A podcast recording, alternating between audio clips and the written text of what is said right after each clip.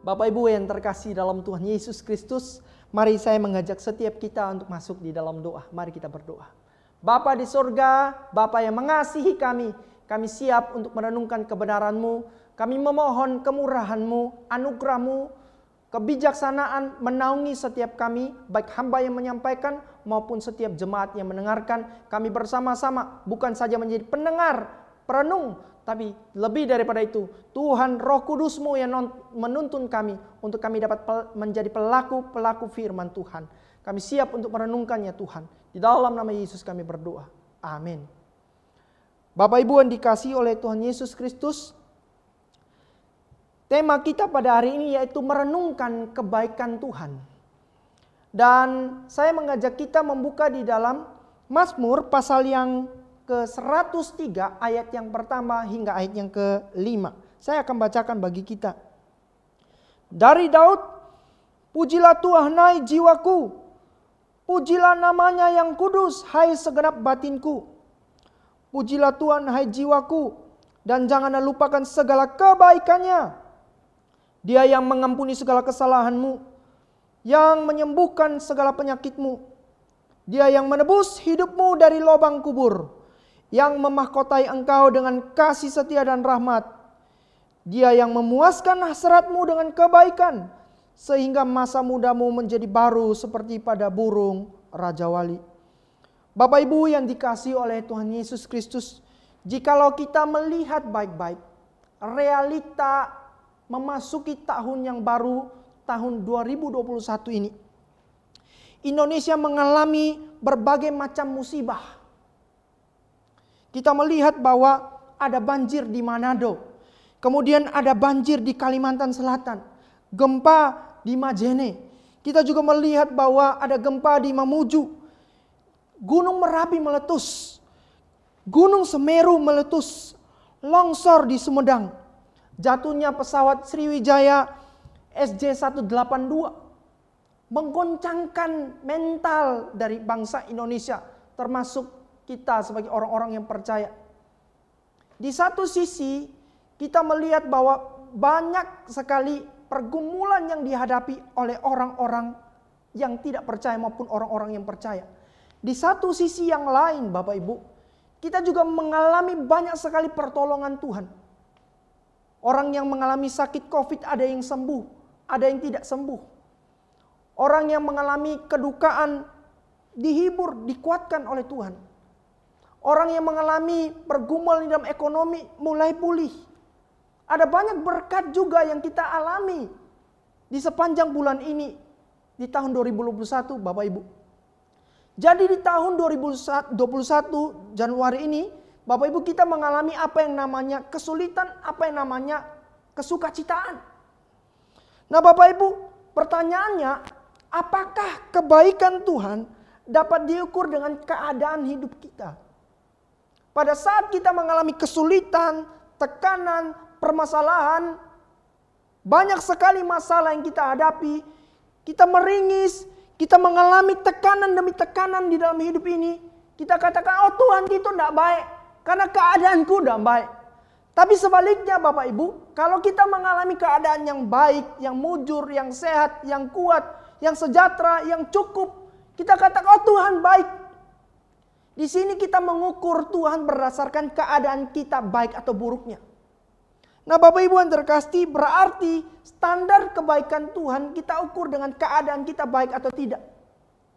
Tetapi saya mau katakan di awal dari firman Tuhan pada hari ini bahwa standar kebaikan Tuhan itu tidak dapat kita ukur dari baik buruknya keadaan kita. Mengapa demikian?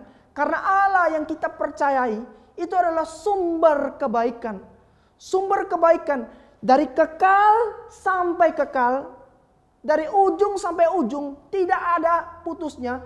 Allah kita adalah Allah yang baik. Jadi keadaan kita tidak membuat Allah itu menjadi baik atau buruk. Tetapi dia adalah sumber kebaikan. Nah Bapak Ibu yang terkasih dalam Tuhan, mana buktinya kalau Tuhan itu baik? Nah Bapak Ibu, Daud dia memuji Tuhan sebagai bukti sikap dia kepada Allah. Dia memulai di dalam Mazmur 103 ini dengan pujian berulang-ulang khususnya di dalam ayat yang pertama dan ayat yang kedua. Dikatakan, "Pujilah Tuhan hai jiwaku." Ayat yang kedua, "Pujilah Tuhan hai jiwaku." Bahkan di dalam ayat yang pertama dilanjutkan, "Pujilah Tuhan namanya yang kudus hai segenap batinku." Nah, Bapak Ibu yang terkasih, kata memuji di sini berarti Daud sedang bersyukur. Bersyukur atas pimpinan Tuhan dan penyertaan Tuhan di sepanjang kehidupan dia. Nah Bapak Ibu, orang yang bersyukur adalah orang yang mengerti baik-baik apa rencana Tuhan di dalam hidupnya. Dan saya yakin bahwa Daud dia adalah seorang tokoh di dalam Alkitab yang tidak bisa kita pungkiri bahwa kehidupan dia begitu melekat dengan pribadi Allah. Nah Bapak Ibu yang terkasih dalam Tuhan Yesus Kristus, kenapa Daud ini memuji sehingga kita katakan dia bersyukur. Saudara kita melihat Daud di dalam keadaan yang kecil dia pernah alami. Dia pernah mengalami apa yang namanya keadaan susah. Dia pernah disepelekan. Dia pernah diabaikan. Dia tidak diperhitungkan oleh Isai, papanya. Pada saat Samuel ingin memilih uh, salah seorang anak dari Isai, dia menjadi seorang gembala. Daud. Tapi saudaraku, Daud bukan saya berada di dalam keadaan yang kecil, yang rendah. Tapi Daud juga pernah berada di dalam keadaan yang sangat up, yang sangat high, yang di atas. Daud pernah menjadi seorang raja. Dia juga Alkitab mencatat bahwa dia pada saat pergi berperang, karena roh Allah menyertai dia. Maka setiap kali dia pergi perang, selalu berhasil. Dia selalu mengalami kemenangan. Saudaraku, Daud mengalami jatuh bangun di dalam hidupnya. Tapi di satu titik, khususnya di dalam Mazmur pasal 103, dia memulai dengan kata, Pujilah Tuhan, hai jiwaku. Ayat yang kedua dia ulangi lagi, Pujilah Tuhan, hai jiwaku. Saudaraku, di sini kata pujilah Tuhan, hai jiwaku, dia ulangi dua kali. Ditambahkan lagi, di dalam ayat yang pertama itu dikatakan, Hai segenap batinku.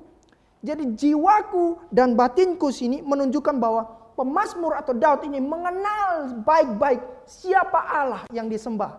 Yaitu Yesus Tuhan. Di dalam hal ini konteksnya Adonai, Allah Yahweh. Bapak Ibu yang terkasih dalam Tuhan Yesus Kristus. Maka kata segala di sini menunjukkan bahwa kebaikan Tuhan berlaku dalam segala sesuatu yang kita alami, baik itu hal yang terlihat besar maupun yang sederhana.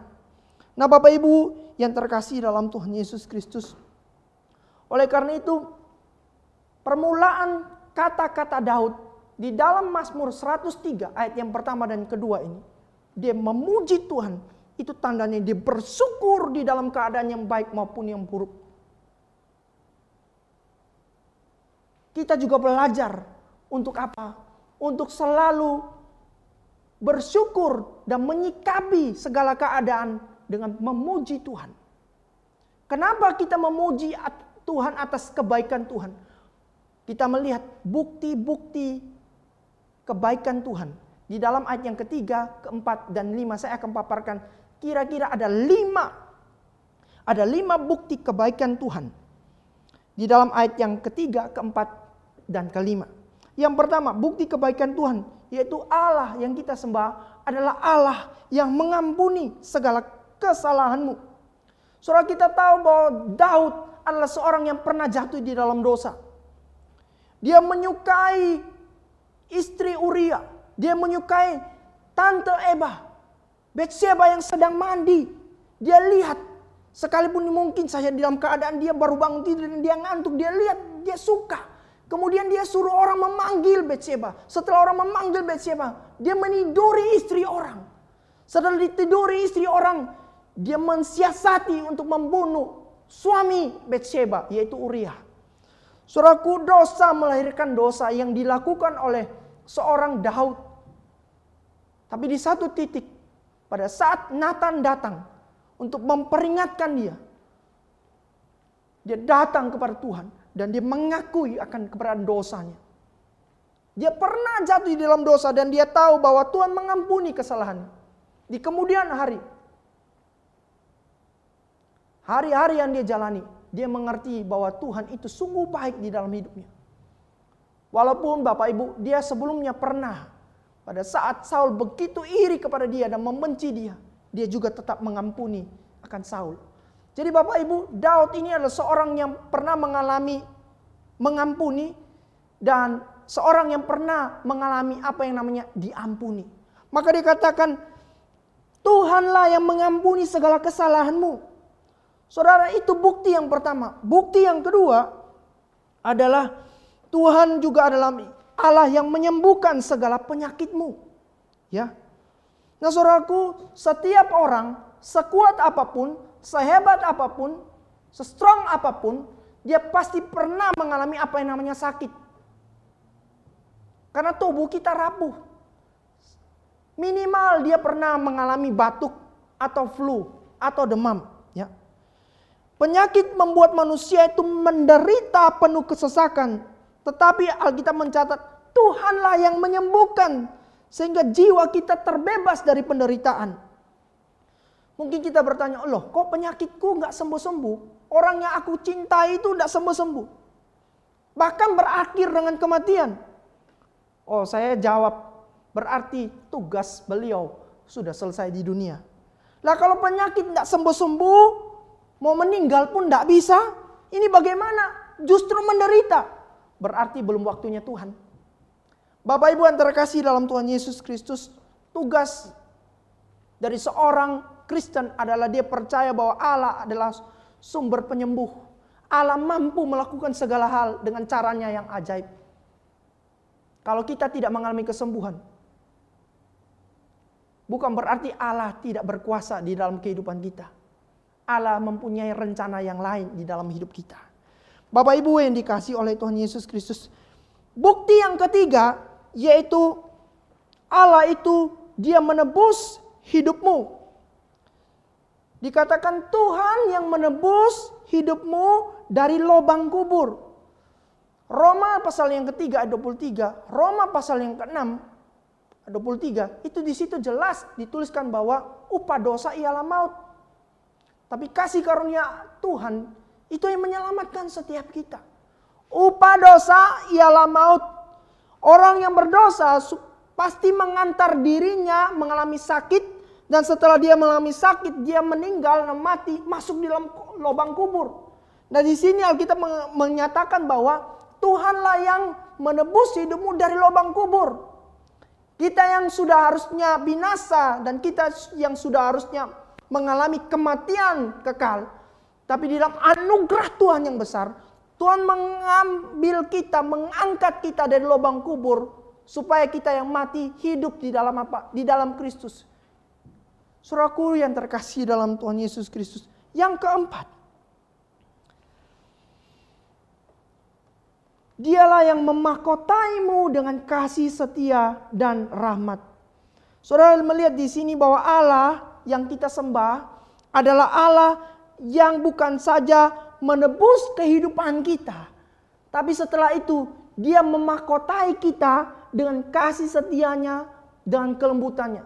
Alkitab tidak dicatat di sini dengan emas dan perak dan berlebihan atau dengan uang yang banyak.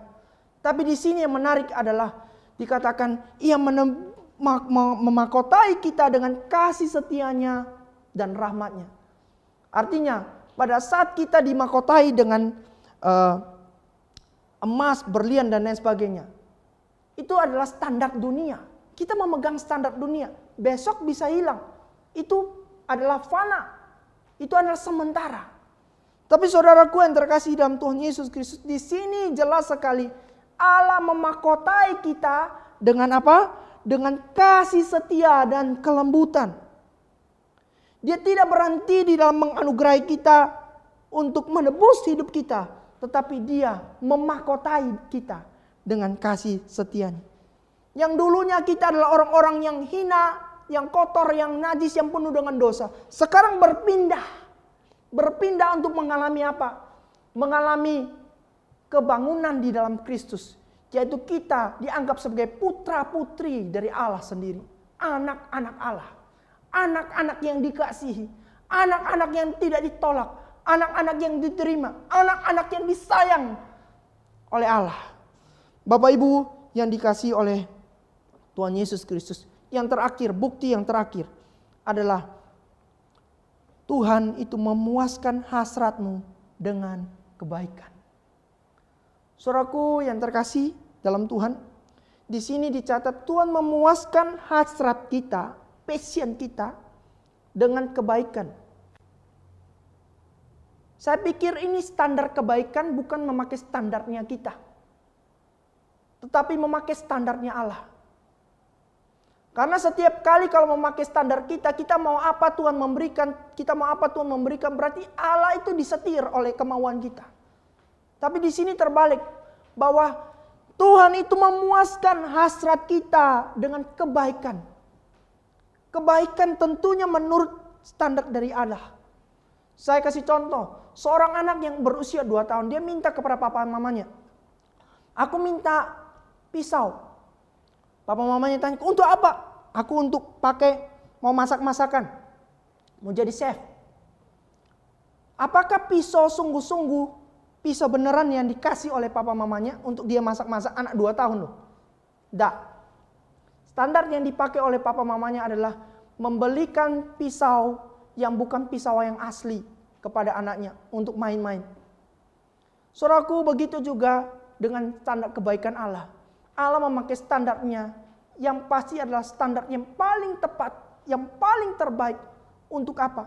Supaya kita menjadi orang-orang yang dewasa di dalam Kristus, yang benar-benar mengerti maksud dan kehendak Tuhan di dalam kehidupan setiap kita.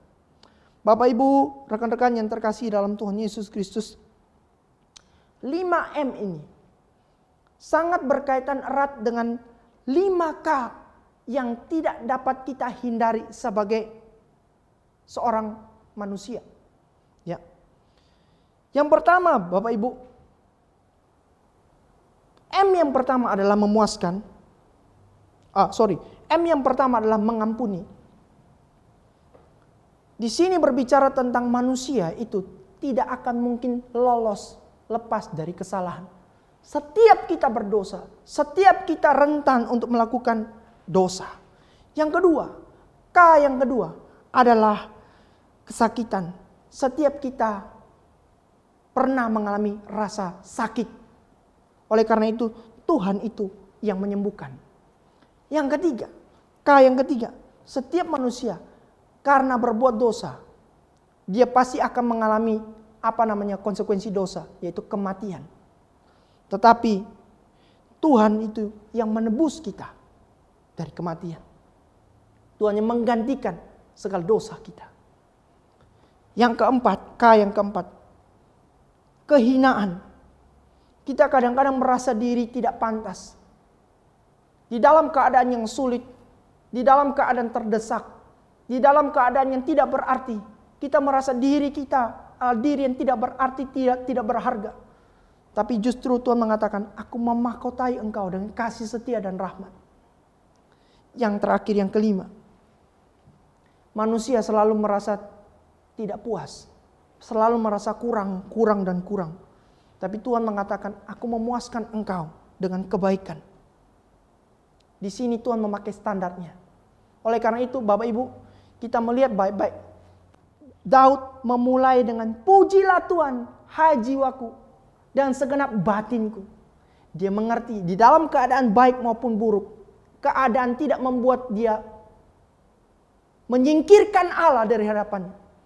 Tapi keadaannya menolong dia untuk melihat bahwa Tuhan punya rencana yang indah bagi kehidupan dia dan tentunya bagi kehidupan kita semua.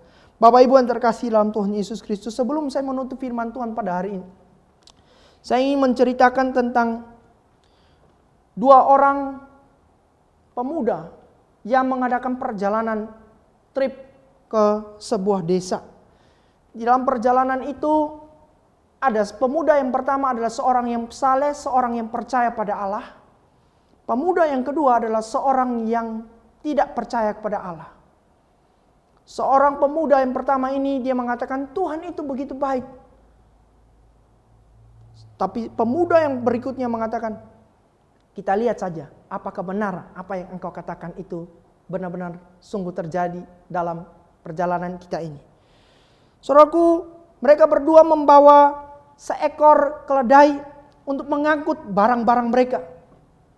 Kemudian juga mereka membawa sebuah obor untuk menerangi pada saat mereka berjalan di malam hari dan ada membawa seekor ayam untuk menemani sang keledai tersebut.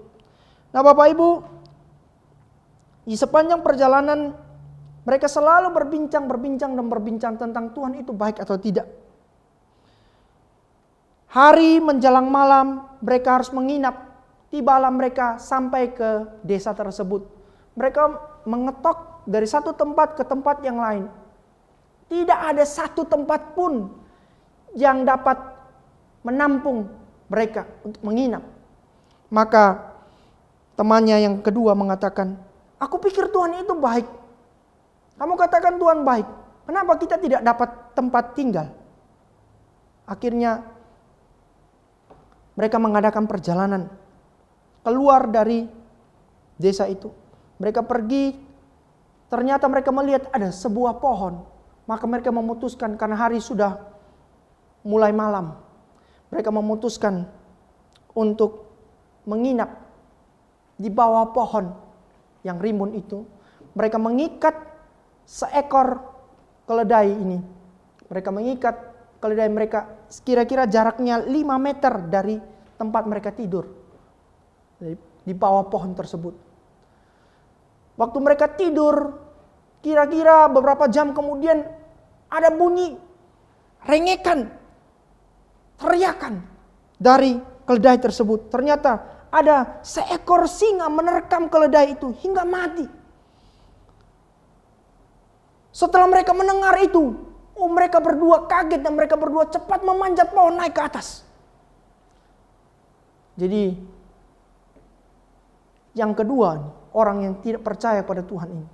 Dia mengatakan teman yang yang pertama dikatakan, wah Tuhan itu baik ya. Kita sudah tidak dapat tempat tinggal, sekarang keledai kita diterkam oleh singa. Temannya yang pertama mengatakan, orang yang pertama mengatakan, Tuhan itu baik. Kalau seandainya keledai itu tidak diterkam, maka singa itu yang justru akan menerkam setiap kita. Tuhan itu baik. Setelah mereka mengatakan demikian, mereka kembali tidur. Beberapa menit kemudian ada rengekan lagi. Ayam, ayam mereka ternyata dicabik-cabik oleh seekor kucing liar pada saat itu. Mereka ketakutan. Bapak Ibu yang terkasih dalam Tuhan Yesus Kristus, temannya sebelum teman yang kedua mengatakan demikian, kepada teman yang pertama ini. Teman yang pertama ini. Dia mengatakan, Tuhan itu baik. Kalau seandainya tidak ada ayam tersebut, maka kucing liar itu akan mencabik-cabik kita berdua. Tuhan itu baik. Pada saat mereka mulai tidur, lelap, mereka tiba-tiba merasa kedinginan sekali. Bapak Ibu tahu kenapa? Karena obor satu-satunya yang menghangatkan tubuh mereka pada saat itu mati karena tertiup angin yang kencang pada malam hari ini. Wow, genaplah sudah amarah dari orang yang kedua ini. Dia katakan, aku simpulkan bahwa Tuhan itu benar-benar tidak baik. Keledai, ayam, dan obor, semuanya ludes, semuanya tidak ada. Tuhan di mana? Saudara mereka tidur dan besok pagi-paginya mereka bangun, mereka pergi. Mereka pergi ke desa tersebut untuk mencari makan. Sesampainya di sana ternyata desa itu sudah ludes Bapak Ibu. Tinggal sebagian saja. Semalam itu segerombolan perampok itu datang kepada desa, ke desa itu. Merampok orang-orang yang semua yang ada di dalam desa itu.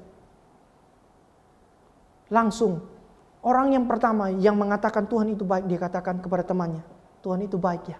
Kalau seandainya kita menginap di desa tersebut, maka kita juga ikut dirampok. Dan syukur pada malam menjelang uh, pada sore menjelang malam bahkan sampai malam kita melihat Tuhan izinkan obor yang menyala itu mati. Kalau seandainya tetap menyala, maka perampok-perampok itu yang duluan melihat obor yang menyala itu. Kemudian mereka merampok kita dan habislah kita. Tuhan itu baik bukan? Bapak Ibu yang terkasih dalam Tuhan Yesus Kristus. Kadang-kadang keadaan membuat kita, memenjarakan kita di dalam keadaan yang terpuruk dan kita menyimpulkan bahwa Tuhan itu tidak baik. Padahal Tuhan itu baik di dalam kehidupan kita. Tuhan mau supaya kita mengerti baik-baik kehendaknya. Di mana kehendaknya? Di dalam firman Tuhan. Karena firman Tuhan yang menuntun kita, memberikan kita pengertian bahwa Tuhan itu adalah Tuhan yang hidup. Tuhan itu adalah Tuhan yang ajaib. Tuhan itu adalah Tuhan yang penuh anugerah. Dia mengawal kehidupan kita. Dia tahu detail kehidupan kita. Oleh karena dia tidak pernah meninggalkan kita. Karena kita yakin bahwa rancangan adalah rancangan damai sejahtera, bukan rancangan kecelakaan. Saudaraku, pada saat kita mengalami berbagai macam kecelakaan, ingatlah bahwa Tuhan sedang memproses kita untuk beriman kepada Tuhan. Di dalam keadaan baik maupun keadaan buruk, Tuhan tetap baik. Karena Tuhan sedang menyiapkan rencana yang paling indah di dalam kehidupan kita. Mari merenungkan kebaikan Tuhan di dalam kehidupan kita. Bapak Ibu yang terkasih, mari kita berdoa. Tuhan, terima kasih untuk firman Tuhan yang meneguhkan setiap kami, yang mengingatkan setiap kami betapa Engkau baik. Engkau menyediakan segala hal yang kami butuhkan Bahkan engkau tidak pernah meninggalkan kami berjalan sendiri. Tuhan tolong kami. Supaya menjadi anak-anakmu yang begitu setia. Di dalam keadaan apa pun. Kami tidak memakai standar kami untuk menilai engkau. Namun kami memakai kacamata ilahi. Kami memakai standar kebenaran firman Tuhan. Untuk menilai bahwa Tuhan memproses kami. Merenungkan bahwa Tuhan itu baik di dalam hidup kami. Terima kasih Bapak. Inilah doa kami. Di dalam nama Yesus kami berdoa. Amin.